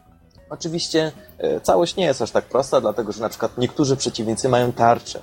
Żeby zlikwidować przeciwnika z tarczą, trzeba przeskoczyć nad jego głową i zaatakować od tyłu, albo po prostu zaatakować od góry. Inni na przykład mają elektryczne pałki i tych z kolei nie możemy zaatakować od frontu, tylko tyłu, albo na przykład najpierw ich ogłuszyć, a potem, e, a potem się nimi zająć. Więc e, jeśli mamy taki powiedzmy tłum 20 ludzi, e, spośród których część ma tarczę, albo na przykład część elektryczne pałki, to wtedy cała walka nie dość, że jest bardzo dynamiczna, to jeszcze wymaga od nas pewnego zmysłu taktycznego, bo w zasadzie w tym trybie nawet kamera pracuje, unosi się trochę nad całym polem walki, żebyśmy mogli wszystko wyraźnie widzieć i w ten sposób wszystkie te E, wręcz walne bitwy są bardzo widowiskowe, ale również i taktyczne. Ja się złapałem nawet na tym, że, e, że, e, że powiedzmy tam jedną walkę powtarzałem naprawdę długo. To była akurat walka między nimi z Jokerem. To było niesamowite po prostu. Joker zszedł razem ze swoimi zbirami i zaczął walczyć jak mężczyzna. I pamiętam, że mm, pamiętam, że pierwszym ciosem, jaki zadałem, to właśnie był to cios na twarzy Jokera. I miałem wtedy wiele, wiele satysfakcji. E, zwłaszcza, że no, w kontekście jedynki, kiedy, kiedy Batman po prostu cały czas dawał mu fory, puszczał go, wysłuchiwał, a tu po prostu można było podejść i mu trzasnąć. Więc, więc tak to wyglądało. W mhm. każdym razie mm, tą walkę powtarzałem kilka razy i ściąłem się na tym, że, że jeśli e, że tą grę łatwo, łatwo, łatwo się nauczyć zasad, ale ciężko je wymasterować. I na przykład, kiedy, e, kiedy udało mi się jakby wymasterować tą walkę, dosłownie wcześniej męczyłem się tam powiedzmy 10 minut, kilkanaście minut, a, a za tą udaną próbą udało mi się ukończyć w 2-3 minuty. Właśnie dlatego, że e, flow walki był dobry, odblokowane były różne bonusy i w ten sposób Batman walczył silniej, sprawniej, efektywniej. E, więc tak to wygląda. Może Nox dodałbyś coś jeszcze mm, ze swojej strony od walki. Mhm. Jeśli chodzi to... o walkę, jeśli coś pominąłem, E, bo, bo jest to zagadnienie, mi... które, które wydaje mi się powinno mhm. być naprawdę mocno podkreślone. Jedna rzecz mi przychodzi do głowy, o której nie wspomniałeś, mianowicie to, że przeciwnicy niektórzy, jak pojawiała im się nad głową taka ikonka, nie pamiętam co to tak. było, jakieś żółte znaczki, coś, coś takiego. Mhm. To, to oznaczało. Trzeba było, e, to oznaczało, że jakby jest zadawany cios i trzeba było natychmiast go zablokować. Jeśli otrzymaliśmy ten cios, to wtedy cały ten flow, który uzyskaliśmy, mhm. po prostu był tracony. I, bo to, na co chciałem zwrócić uwagę, jeżeli gra nam zasygnalizowała, że ktoś właśnie e, zbliża się do nas od tyłu, właśnie próbuje nam przyłożyć, pojawia się ta ikonka, która jest bardzo dobrze widoczna, to wtedy nie możemy tego osobnika zaatakować tym samym przyciskiem, którym się zadaje atak, bo wtedy on nam po prostu przyłoży. Co sprawia, że nie jesteśmy w stanie przy całej tej e, efektowności walki, nie jesteśmy w stanie przechodzić tego jednym przyciskiem. Musimy mieć pewne wyczucie rytmu i tak wiesz. 5, 5, 5, 5, o, blok, dobra, 5, 5, 5, 5, blok. Tak, tak, tak. Czasami właśnie odniosłem No ale wrażenie, też że... nie tylko to, dlatego że różni przeciwnicy, na przykład z tarczami czy z pałkami, też Tak, tak, tak. wymagają tej skomplikowanej jakby kontroli tłumu. W każdym razie chciałem tylko zwrócić uwagę, że to nie jest taka mm, napitalanka, że tak to ujmę, jednym przyciskiem. To Don't faktycznie- mash buttons. Tak, tak. Znaczy, maszowania batonów, przycisków i tak jest tutaj dość sporo. Przynajmniej ja tak w to grałem, że maszowałem, maszowałem, maszowałem i zmieniam przycisk. Maszowałem, maszowałem i zmiana przycisku. Nie wiem, tak Nie, no jakoś tak. wygodniej Ale- mi było. Ale, ale tak jak mówiłeś, było- jest tu trochę taktyki i, i trzeba reagować e, sprawnie, fajnie. Walka jest bardzo dynamiczna. Mnie się też podobała. Tak, ja pamiętam zresztą jak na początku e, za bardzo maszowałem, dajmy na to, i po prostu, prze, bo w pewnym momencie nawet Batman wręcz automatycznie doskakuje do drugiego przeciwnika, który jest na drugim końcu sali, kiedy ma odpowiedni poziom tego flow, tej furii. E, Ja pamiętam, że zdarzało mi się przycisnąć chyba kilka razy w tym czasie i wtedy ten flow też był tracony. Jakby, że jak, jakoś traciłem ten flow przez zbytnie ruchy, których nie powinienem był wykonywać. No w każdym razie sy- system walki jest naprawdę Mhm. imponujący i bardzo grywalny. Zresztą Mogę- twórcy to wykorzystali dlatego, że e, dlatego, że stworzyli też cały system challenge'y, e, czyli wyzwań, w których na przykład mamy do czynienia z areną. E, No i tu z kolei też mamy całą masę przeciwników, którzy na nas napływają, mamy czas na, na dokonanie tych wyzwań i tak dalej, i tak dalej. To ja mo- mogę Ale- jeszcze jedną rzecz tutaj dopowiedzieć, tak y, może kogoś zainteresuje, jeżeli właśnie się ciekawi tworzeniem gier. Cze- Często jak właśnie dyskutuję z kimś na temat animacji w grach, to zwracam uwagę właśnie na serię Arkham, bo tutaj zastosowano taki ciekawy trik, który sprawia, że, y, że ta walka wydaje się właśnie taka bardziej dynamiczna. Mianowicie ludzie się czasem zastanawiają, ok, to w takim razie postacie w tej chwili w grach się zachowują tak realistycznie, poruszają się realistycznie, ta animacja jest taka ładna i no tutaj właśnie realistyczna. Ale zwróćcie uwagę, że jak walczycie tym Batmanem, to on właściwie porusza się tak, jak żaden człowiek nigdy nie byłby się w stanie poruszyć. Czyli na przykład zadaje cios i w momencie, kiedy ktoś atakuje nas od tyłu i my na to reagujemy, on właściwie obraca się z prędkością światła, jeżeli tylko odpowiednią kombinację przycisków zrobimy. Czyli twórcy, żeby zwiększyć, żeby zwiększyć grywalność tych scen, oni po prostu skrócili znacznie sekwencję animacji, przez co po pierwsze Batman wydaje się jak na takiego, jak na taki czołg właściwie, wydaje się strasznie szybki jak walczy i to wszystko jest bardziej dynamiczne i responsywne, że tak to ujmę. Od razu reaguje jak tylko my y, poprawnie tą, jest- tą komendę puścimy. To jest bardzo dobre. To właśnie kolejna rzecz, która mi się, jeżeli słuchaliście poprzedniego podcastu, czy dwóch podcastów temu, nie podobała mi się w Resident Evil 5. Że tam ta postać była taka strasznie toporna i nie reagowała od razu. Tylko trzeba było swoje jakby odczekać na tą reakcję. No faktycznie tak, troszeczkę tak, jakiś cios nożem czy coś takiego, trzeba było poczekać aż postać wykona ten ruch, schowa rękę, tak, tak, może były bardzo drobne te różnice, ale faktycznie jak o tym mówisz, to, to sobie przypominam, że było coś takiego. Delikatne, ale zawsze. Więc no tutaj jako taka ciekawostka może dla osób zainteresowanych e, tworzeniem gier.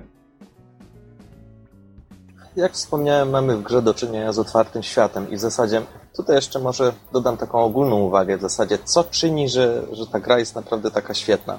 Moim zdaniem, mm, w ogóle, zresztą nie tylko jeśli chodzi o tą grę, ale też w ogóle całe uniwersum, z czego korzysta także gra.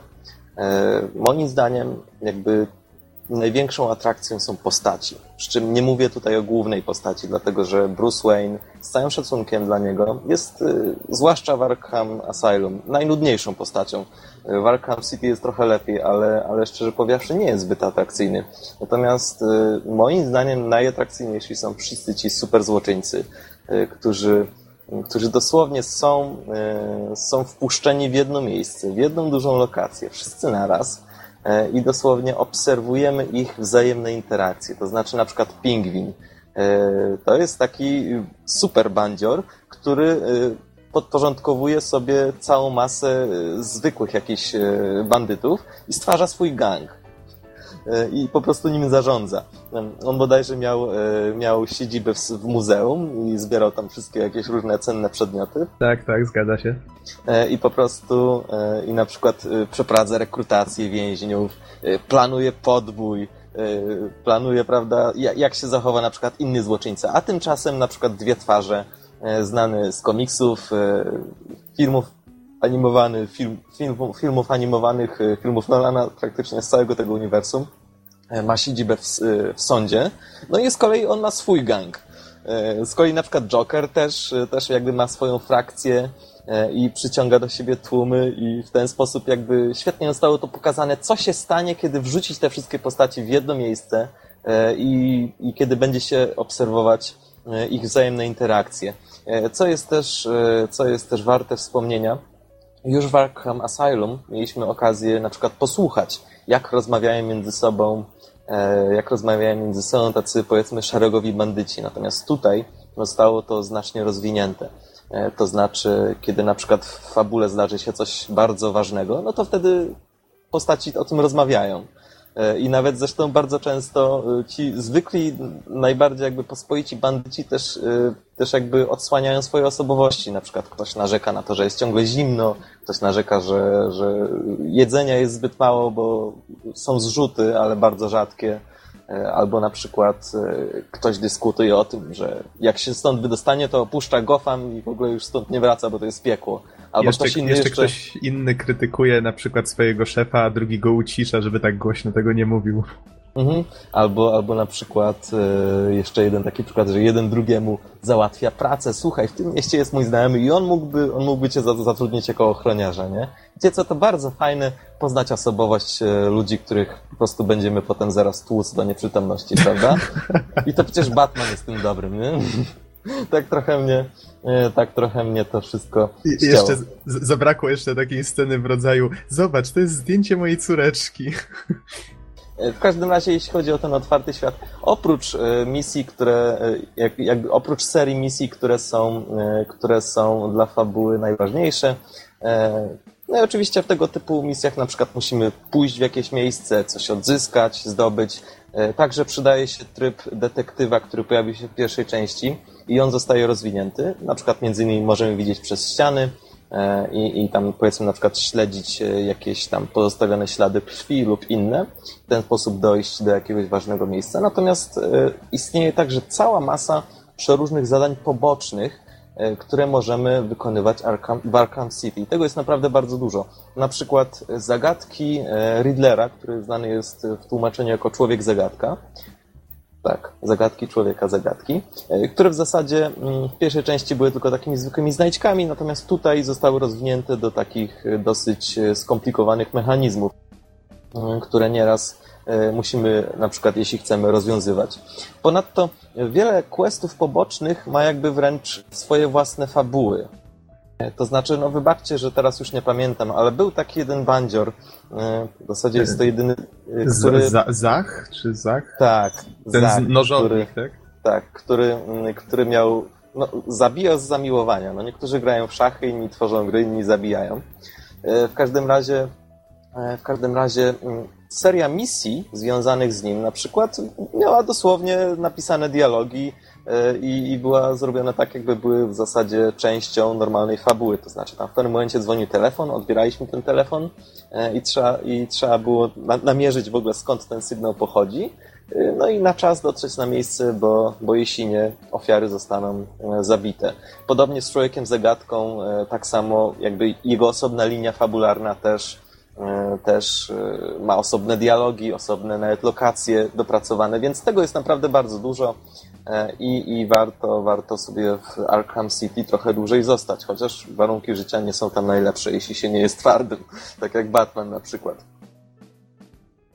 Hmm, co by tu jeszcze powiedzieć o o tym otwartym świecie. W zasadzie jeszcze na przykład są takie kwestie jak więźniowie polityczni, którzy zawsze są niewinni e, i trzeba ich bronić przed, e, przed, e, przed takimi silnymi bandytami. No tego typu wyzwania, tego typu jakieś takie drobne questy, które nawet dodają coś do fabuły, są naprawdę niesamowitym smaczkiem i, i naprawdę polecam, mm, polecam się z niej zapoznać, bo nie jest to zrobione na odwalsie. Natomiast ja z kolei miałem taki problem, że, że, że fabuła główna tak bardzo mnie wciągnęła, że nie ma czasu, nie ma czasu, trzeba dalej ciągnąć główny wątek. W każdym mhm. razie, skoro Tutaj już o tym mówię... Dodam, poprawię się tylko, bo chyba trochę przeinaczyłem, to był Wiktor z Sasz. Nie wiem, jak to się czyta do końca, ale sprawdziłem. W każdym razie, w każdym razie był zły, miał blizny, e, które symbolizowały każdą jego ofiarę i, i po prostu zostawił sobie specjalne miejsce na, na bliznę oznaczającą zabicie Batmana, rozszerzając temat. W każdym razie, jeśli chodzi o Mm, o dodatkowe questy. No to ja, ja grałem oczywiście w wersję mm, Game of the Year Edition, która mhm. Mm, posiada także wbudowany już, dajmy na to, dodatek. E, I między innymi dochodzi tutaj postać Catwoman, e, czyli kobiety kot, e, która w zasadzie no, jest odrębną postacią, ma osobne misje. One przeplatają się razem z misjami Batmana i opowiadają jej historię. Z kolei mnie to, szczerze powiedziawszy, tylko i wyłącznie irytowało dlatego że no fajnie, kobieta kot i tak dalej, tam jakieś misje, e, jej cele, ale mnie interesowały losy Bruce'a Wayne'a, a nie jej. I to był mój problem. Zwłaszcza, że, że ona zawsze wskakiwała w jakichś takich naprawdę miejscach, kiedy chciałoby się wiedzieć, co się dalej będzie działo z Batmanem. E, więc, e, więc w zasadzie ona ma kilka swoich misji, ma także osobne mm, wyzwania w postaci zagadek i mechanizmów e, w czasie, w ogóle właściwie całym, całym tym świecie. I także inne umiejętności oraz bronie. Na przykład porusza się troszeczkę inaczej niż Batman, bo on z kolei używa wyrzutni lin i, i swojej peleryny, którą może usztywnić i w zasadzie używać jak lotni, natomiast kobieta kot używa bicza, wiem jak to brzmi, e, do spinania się. E, no tak, ten, ma... ten, magiczny bicz, który miał kilometr długości, jeżeli się go dobrze zaczepiło. Mhm. No w każdym razie, e, w każdym razie mm, obie te postaci widać było, że zostały zrobione indywidualnie i że każda z nich ma jakby trochę inny styl działania i trochę inny styl walki. W każdym razie, jeśli chodzi o DLC, mm, to powiem jeszcze tylko tyle, że po zakończeniu właściwej gry E, kontynuuje mniej więcej e, fabułę, chociaż w sposób dosyć luźny. E, otóż trwa on około 2-2,5 godzin. Po zakończeniu akcji z właściwego Arkham City, Batman na jakiś czas znika. No być może ma depresję lub przeżywa jakieś inne, inne rozmyślania czy reakcje związane z, z byciem superbohaterem. W każdym razie znika. No i Robin, jego wierny pomagier, podejmuje się zadania po prostu odnalezienia go. No i co jest ciekawe, Robin także jest postacią, która posiada osobny kwipunek, e, osobny styl walki e, i jest jakby pełnoprawną postacią. Natomiast samo DLC e, oprócz właściwie tej dosyć, e, dosyć ciekawej postaci nie, nie wnosi zbyt wiele do fabuły, przynajmniej ja nie miałem takiego poczucia i w zasadzie w zasadzie pewnie gdybym, gdybym powiedzmy kupił najpierw Arkham City, a potem dokupił DLC w nadziei, że znajdzie się tam coś przełomowego, to pewnie bardzo bym się wkurzył. Ale jako, że grałem w wersji GOTY, e, to po prostu dodatkowe dwie godziny świetnej gry e, były dla mnie czymś atrakcyjnym samym sobie. Tak się tylko zapytam, bo ja na przykład grałem w wersję z Catwoman, ale ty w tej chwili opisujesz ten dodatek z Harley Quinn, tak? Tak, tak, zemsta Harley Quinn. Mhm, powiedz mi, czy faktycznie warto wracać do gry tylko dla niego, czy raczej nie? Myślę, że nie. Znaczy, okay. jeśli macie grę e, i od razu już ten DLC, no to wow, fajnie, dodatkowe 2-3 godzinki, super. Ale, ale żeby wracać, e, nie za bardzo, bo, bo po pierwsze w sumie jest bardzo krótki, po drugie nie dodaje nic specjalnego do, e, do fabuły, oprócz takiego jednego motywu, który jest dosyć specyficzny, aczkolwiek e, sam w sobie wydaje mi się trochę, trochę zbyt słaby. Mhm, okej. Okay. No dobrze, powiedziałem mniej więcej jak się w to gra, jaka jest historia, także i postaci. Myślę, że mogę przejść do takich e, spraw jak na przykład grafika, a ta oczywiście trzyma się całkiem nieźle, bo gra została zrobiona na Unreal Engine 3, E, i po prostu dalej robi wrażenie, więc tutaj jest bez niespodzianek. Naprawdę świetna robota, świetnie zrobione animacje, wszystko pięknie wygląda e, i, i pięknie się rusza, a także pięknie dostaje e, po mordzie. W każdym razie naprawdę została świetnie wykonana i myślę, że tego tematu nie trzeba poruszać. Natomiast jeśli chodzi o muzykę, tutaj myślę, że temat jest warty trochę głębszej refleksji. Otóż w momentach, kiedy na przykład mamy do czynienia z, z taką areną przeciwników i musimy ich na przykład wybijać w trybie łowcy, tym umownym oczywiście, bardzo fajny jest efekt, w którym muzyka, jakby napięcie budowane przez muzykę cały czas rośnie. Ona, im więcej przeciwników zabijemy, tym robi się głośniejsza i bardziej epicka. Soundtrack e, do całej gry naprawdę robi wielkie wrażenie e, i jakby buduje e, ten nastrój takiej ponurej, niesamowitej historii. Więc, więc no bardzo, bardzo mocno rzuciło mi się to w uszy, a nie w oczy. Nawet po tak długim czasie od ukończenia gry pamiętam, jak to wyglądało nawet w menu. Soundtrack był naprawdę niesamowity, więc e, nie, nie wiem, czy czy ty akurat to zapamiętałeś, ale, ale wydaje mi się, że naprawdę, naprawdę bardzo dobrze skomponowany.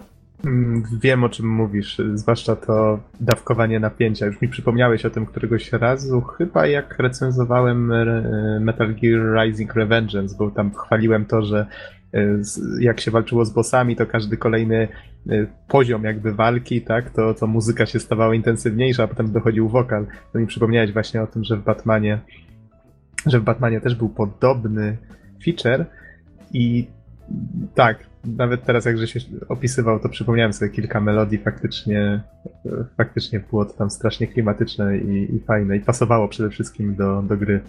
Przy okazji mogę jeszcze dodać w sumie też mi przypomniałeś, mm, że w Batmanie Arkham City wreszcie są pełnoprawni bossowie. Co do jedynki było dużo marudzeń, że, że przeciwnicy, ci najsilniejsi, są po prostu zbyt schematyczni i cały czas się powtarzają. Ja nie miałem akurat o to, o to pretensji, niektórzy ja mieli. Tak. No właśnie, niektórzy mieli. E, I, I w Arkham City zostało to poprawione. Każdy przeciwnik e, jest unikalny, walczy się mm, z nim w inny sposób Ponadto z tego co pamiętam miał też e, jakby takie swoje stopnie trudności, to znaczy e, im dłużej walka trwała, im więcej hapeków stracił przeciwnik, tym, e, tym stosował na przykład inne ataki albo mieszał nowe ataki ze starymi i tak naprawdę na dobrą sprawę jakby walka była, no też miała takie stopniujące się napięcie i, i naprawdę świetnie to zostało wykonane, przynajmniej w mojej ocenie. Aczkolwiek na tyle świetnie, że aż mnie trochę to denerwowało, dlatego że powtarzać walkę z bossem, no to niekoniecznie zbyt fajna rzecz, natomiast, natomiast też ten poziom trudności momentami rósł. No mhm. dobra, myślę, że chyba, chyba omówiłem wszystko, co najważniejsze. Mm, będę przechodzić do podsumowania w takim razie, chyba że wy macie jeszcze jakieś, e, jakieś pytania albo krótki komentarz. Raczej nie, nie przychodzi mi nic do głowy. A tobie, Norbert? Też nie. No to myślę, no że możesz śmiało przechodzić. Myślę, że możemy podsumować. Batman Arkham City, i to będzie taka piękna klamra poetycka, tak jak powiedziałem na początku, jest idealną kontynuacją e, Arkham Asylum. Autorzy wzięli to, co dobre z pierwszej części, przenieśli to do drugiej i ulepszyli. Więc y, właściwie jeśli graliście w pierwszą część, nie mieliście okazji w drugą, no to w zasadzie wiecie dokładnie czego się spodziewać. Będzie to y, ten sam otwarty świat, w zasadzie nie ten sam, o wiele większy otwarty świat, ten sam model rozgrywki, y, ten sam klimat, może nawet trochę bardziej mroczny w dwójce. W każdym razie wciąż ta sama świetna gra, rozwinięta, pełna treści i naprawdę wciągająca na wiele, wiele godzin. Czyli mówiąc krótko, bardzo, bardzo polecasz. Bardzo, bardzo polecam. No to widzę, że tobie też się bardzo podobała. Ja też miło wspominam. E, nawet mogę dodać, że zacząłem już grać w Batman Arkham Origins, czyli prequel do obu tych gier, który wyszedł jako trzeci i nie był już tworzony przez studio Rocksteady, ponieważ oni, jak się niedawno okazało, e, tworzą. Jak ta nowa gra się miała nazywać? Batman Arkham, Arkham Knight? Tak, coś takiego. No, mogę się mylić, ale to w razie czego w jakimś przyszłym podcaście poprawimy.